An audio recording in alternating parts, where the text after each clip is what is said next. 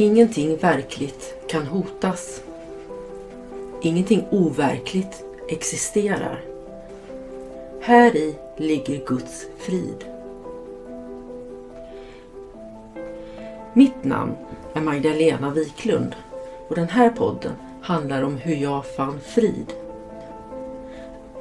Allting har sin grund i Helen Schuckmans uppenbarelser då Jesus dikterade det som sedan skulle bli boken En kurs i mirakler för henne. Jag kommer att referera både till kursen och till Bibeln eftersom Helen fick så mycket förklarat för sig av Jesus om hur vi egentligen bör tolka Bibeln.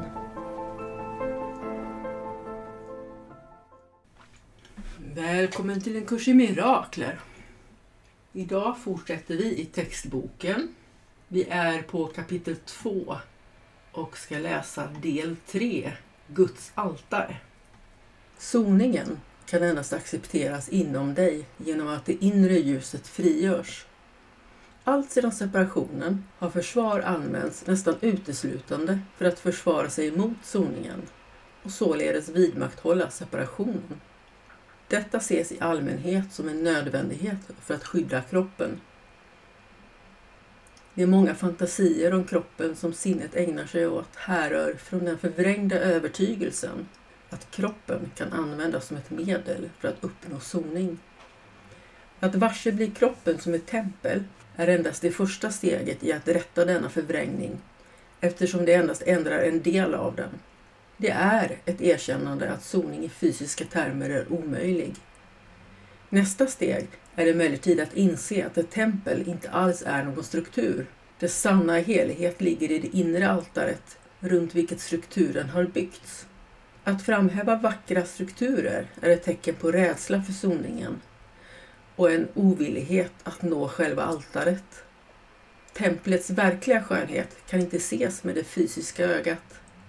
Det andliga seendet kan å andra sidan inte se strukturen överhuvudtaget eftersom det är ett fullkomligt sant seende.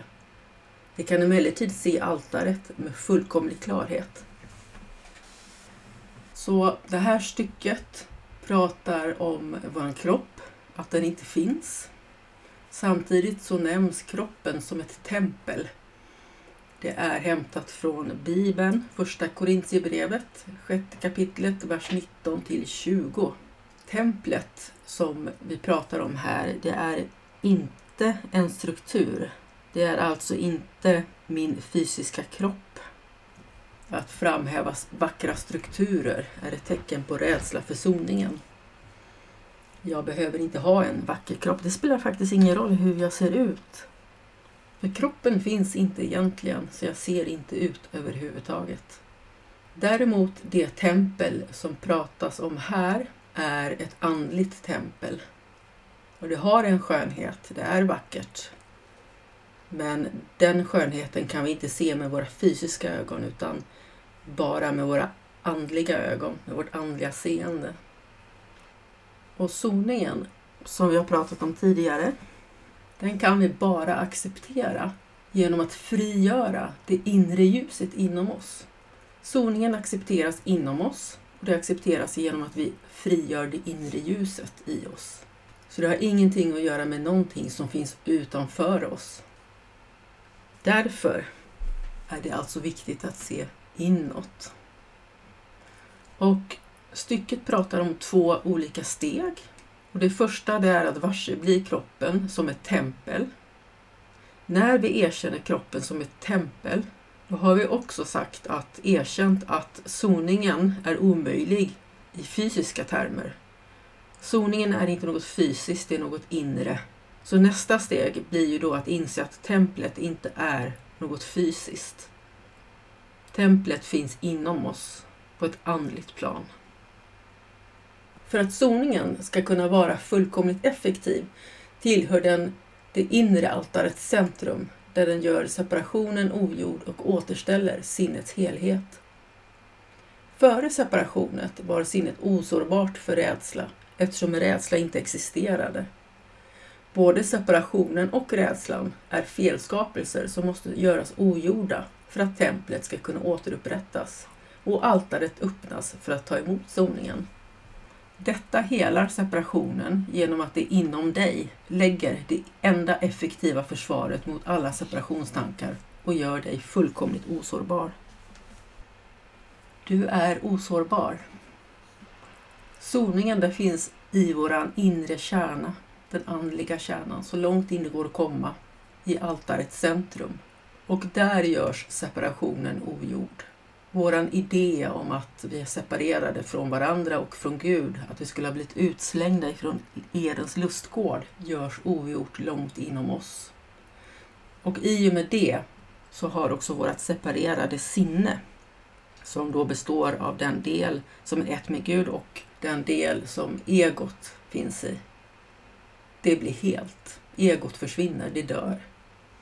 Och innan separationen, innan vi fick den här idén om att vara separerade, så var vårt sinne helt osårbart för rädsla, därför att rädsla fanns inte då. Rädsla uppstod när vi gjorde separationen. Så det är felskapelser och det är de som behöver göras ogjorda. Och när de har blivit ogjorda så har templet inom oss återupprättats. Och då blir altaret öppet för att ta emot soningen. När vi får soningen inom oss, då har vi ju det enda effektiva försvaret. Det här svärdet som vi läste om i föregående stycke, som bara är en ägg, som är fullkomligt försvar mot separationstankarna. Och det gör oss fullkomligt osårbara. Vad det här säger är att om jag gör mina egna misstag ogjorda genom att zona så har jag det fullkomliga försvaret mot alla idéer, alla idéer om separation. Och det här finns bara inom mig. Jag kan alltså inte söka mig till religion eller filosofi eller jag kan, jag kan inte ens läsa kursen eh, teoretiskt, förstå den och tro att jag på det sättet kommer att få soning och kunna förlåta. Utan det här är ett arbete som måste ske inom mig. Det är endast en tidsfråga innan alla accepterar zon 1. Detta kan tyckas motsäga den fria viljan på grund av det oundvikliga i det slutliga, på grund av det oundvikliga i det slutliga beslutet. Men så är det inte. Du kan uppskjuta avgörandet och du är i stånd till ett oerhört förhalande. Men du kan inte avlägsna dig helt och hållet från din skapare som satte gränserna för din förmåga att felskapa. En fängslad vilja framkallar en situation som blir fullkomligt outhärdlig när den är som värst. Förmågan att uthärda smärta kan vara stor, men den är inte utan gräns. Så småningom börjar alla inse, om än vagt, att det måste finnas ett bättre sätt. Allt eftersom denna insikt blir mer befäst blir den en vändpunkt. Detta återuppväcker till sist det andliga seendet och försvagar samtidigt investeringen i det fysiska seendet. Den alternerande investeringen i varseblivningens två nivåer upplevs vanligtvis som en konflikt som kan bli mycket intensiv, men utgången är lika viss som Gud. Så vi kommer allihopa att acceptera soningen förr eller senare. Och för mig handlar det här stycket om att nå sin rock bottom. Alltså att förr eller senare så kommer jag att slå huvudet i botten och göra mig illa. Och när livet gör tillräckligt ont så kommer jag att vilja vända och acceptera soningen. Och stycket pratar om fri vilja. Jag har fri vilja. Jag kan skjuta på det här beslutet och ignorera det in i det längsta. Men förr eller senare så kommer det att göra så ont i mitt liv att jag kommer att välja soningen. Jag kommer att välja förlåtelsen och jag kommer att vilja göra mina egna och andras misstag ogjorda. Och det här beror ju på dels att Gud har givit oss människor en gräns för hur mycket vi kan felskapa. Vi är inte Gud. Gud är obegränsad, men vi människor har en gräns skapad av Gud. Våran vilja, den blir fängslad när vi förhalar. Det är som att våra tankar, våra dömanden fängslar både andra människor och därmed också oss själva. Om jag dömer dig så måste jag anstränga mig för att hålla dig kvar i det här fängelset som jag har skapat där, där jag håller dig. Där jag har bestämt att du ska vara de här ramarna som säger att andra människor är dumma, andra människor är egoistiska, andra människor är vad de nu är. För att en individs identitet ska kunna fortsätta vara den jag vill, mitt ego vill att den ska vara, då måste jag se till att det här upprätthålls. Att den här bilden av min medmänniska upprätthålls. Och därmed blir jag också själv fängslad. Jag har ett fängslat sinne.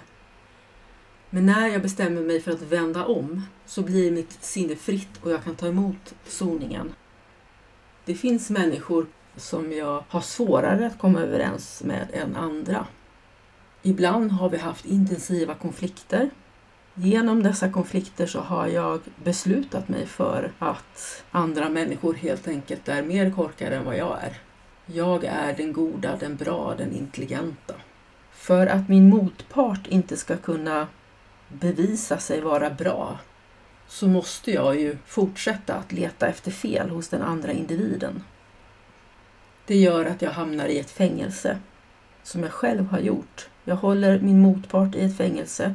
Jag håller mig själv i ett fängelse där jag hela tiden måste anstränga mig att leta efter fel och brister hos den andra parten. Och det här gör ont. Det gör ont i mig. Det är jag som blir lidande av det. Den andra parten kanske inte ens vet om det, men jag vet och det gör ont i mig. Och när det gör tillräckligt ont så blir det en vändpunkt i mitt liv och jag inser att jag behöver förlåta och att jag behöver soningen.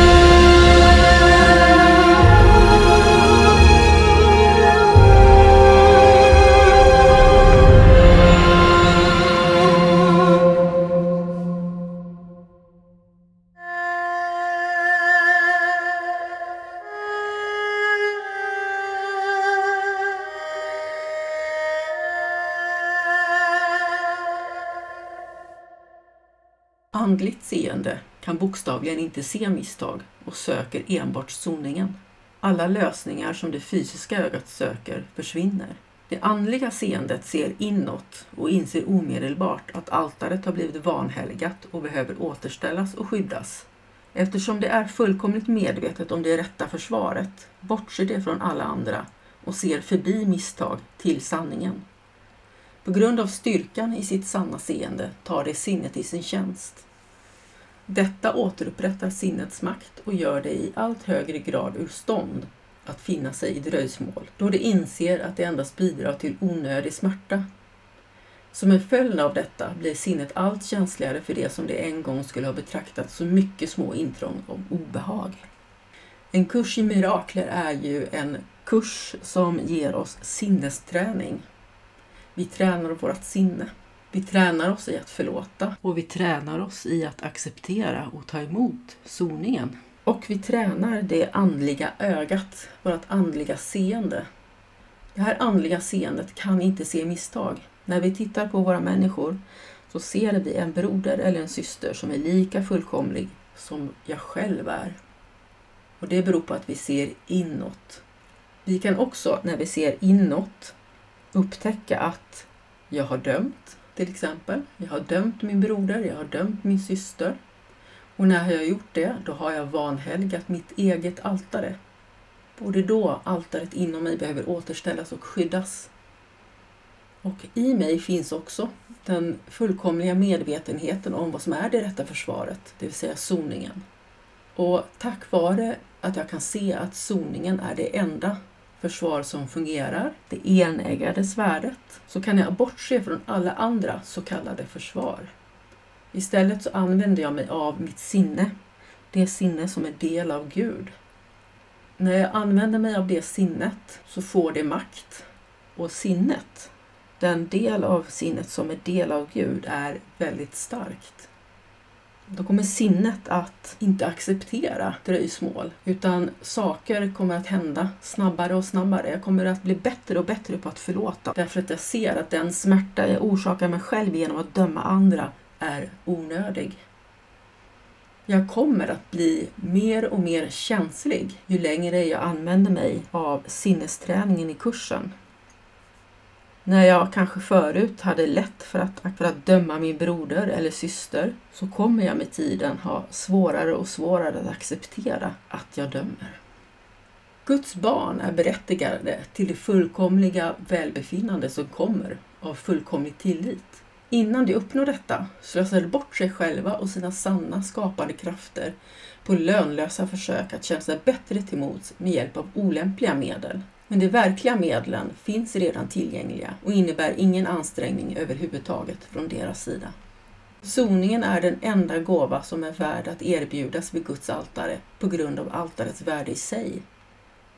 Det skapades fullkomligt och är alltigenom värdigt att ta emot det som är fullkomligt.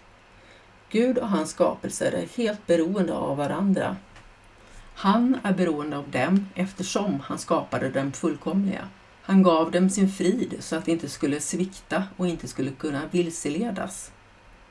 När helst du är rädd är du vilseledd och ditt sinne kan inte tjäna den helige Ande. Detta gör att du svälter genom att du förmenas ditt dagliga bröd. Gud är ensam utan sina söner och de är ensamma utan honom. Vi måste lära sig att se på världen som ett medel för att hela separationen Soningen är garantin för att det till sist kommer att lyckas. Det är sista stycket och Guds barn, det är vi. Stycket pratar om oss. Vi är berättigade till det fullkomliga välbefinnandet som kommer av fullkomlig tillit. Vi har rätt till det. Det finns också en mirakelprincip som säger att vi har rätt till mirakler. Men innan vi kan uppnå det fullkomliga välbefinnandet och den fullkomliga tilliten så befinner vi oss i illusionen där vi slösar på oss själva, på vår egen skaparkraft. Vi felskapar som Gud har givit oss. Och vi gör det för att vi vill känna oss bättre med hjälp av olämpliga medel. Och jag tänker att visst är det väl så att jag i alla fall tillfälligt kan känna mig bättre genom att döma andra om jag jämför mig själv med andra så säger jag ju aldrig att jag är sämre än någon annan utan jag jämför mig alltid så att jag blir bättre än andra. Men eftersom det här är ett olämpligt medel, ett olämpligt sätt att få mig att känna mig bättre till mods så fungerar det ju inte i längden. De verkliga medlen, de finns redan där, vi behöver inte leta. Och vi behöver inte ens anstränga oss för att använda dem. Den verkliga metoden, det verkliga medlet, det är soningen. Och Det är en gåva vi har fått av Gud och en gåva som vi kan lägga på Guds altare inom oss. Det här är en fantastisk gåva. Den visar att vi är fullkomliga. Våra systrar och bröder är fullkomliga. Det är ingen som har gjort någonting fel överhuvudtaget. Och anledningen till att vi är värda detta är att altaret inom oss har ett så högt värde i sig. Vi är Guds skapelser, så självklart är vi värda att se vår fullkomlighet. Jesus skapades fullkomligt och är alltigenom värdigt att ta emot det som är fullkomligt. Vi och Gud, vi är helt beroende av varandra eftersom Gud skapar oss fullkomliga. Vi har fått Guds frid. Den finns inom oss. Och Det är också det som gör att vi inte kan svikta. Vi skulle inte kunna förlora den. Vi kan kanske vilseledas tillfälligt, men vi kan inte förlora friden för den finns inom oss. Så ett bra sätt att veta om vi är på rätt väg eller bort ifrån Gud, det är att känna efter om vi är rädda eller inte. Är vi rädda, då är vi vilseledda och då blir det också omöjligt att tjäna den heliga Ande. När vi är rädda och inte kan tjäna helig Ande, då svälter vi därför att vi inte får i oss våra dagliga bröd. Det dagliga brödet det kommer från Matteus evangeliet 6.11 där Jesus talar om för oss hur vi ska be. Fader vår, det dagliga brödet handlar inte om det fysiska brödet, lika lite som det handlar om vår fysiska kropp. Det handlar om det andliga brödet, andligheten, att vara i kontakt med Gud, att kunna tjäna den heliga Ande. Hela den här världen är till för att vi, för oss, är till för oss. Och vi måste lära oss att se på världen, inte som ett mål i sig, utan som ett medel Världen är till för att hela separationen. För att vi ska se att vi allihopa är ett med varandra och ett med Gud. Och det här kommer att lyckas. Vi får ett löfte i det här stycket. Soningen är garantin för att det till sist kommer att lyckas. Om vi sonar, eller kanske snarare när vi sonar, när vi ser på våra systrar och bröder och på oss själva som fullkomliga Guds barn, då kommer allting att vara ett. Du har hört läsning ur den kompletta utgåvan av en kurs i mirakler. Femte upplagan, tryckt i Mikkele, Finland år 2017. Jag har läst med tillstånd av Regnbågsförlaget. Bibliska citat har hämtats från Svenska folkbibeln från 2015 jag har hämtat den i Gideon Bible App. Appen är utgiven 2022 av The Gideon International och jag har läst med tillstånd av Gideon Sverige. Spaceship, spaceship, take me away I pretend I'm in the Milky Way Covers constellations inside, shining on shadows and sheets with flashlights. When I'm up there, all of the stars are my friends. I